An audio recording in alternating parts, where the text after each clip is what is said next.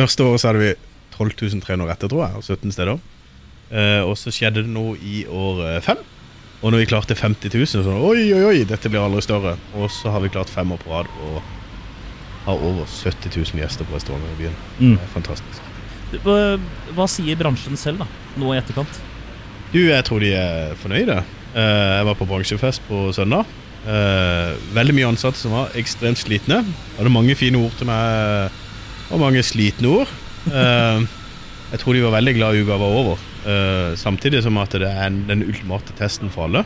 Det er 17. mai, sju dager i uka. I ei hel uke. Og jeg tror de har det gøy. Uh, det var en tanke som slo meg her da, da jeg kjørte ned til studio tidligere ettermiddag. Det er jo det at dette her, altså Spis ute-uka har jo blitt en sånn staple. Det har blitt liksom en, en fast greie, en tradisjon her i Kristiansand. hvor ikke alle er med.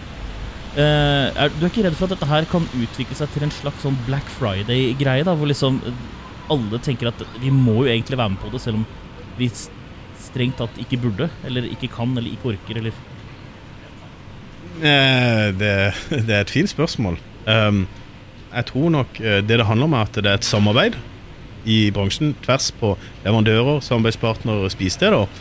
Så det er opp til hvert enkelt spisested å være med eller ikke. Men ja, det kan nok føles litt tungt for noen å ikke være med når det er en sånn massesuggesjon. Men eh, målet her er for folk til å samarbeide.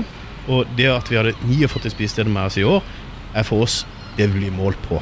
Vi har klart å få 49 steder til å samarbeide om det.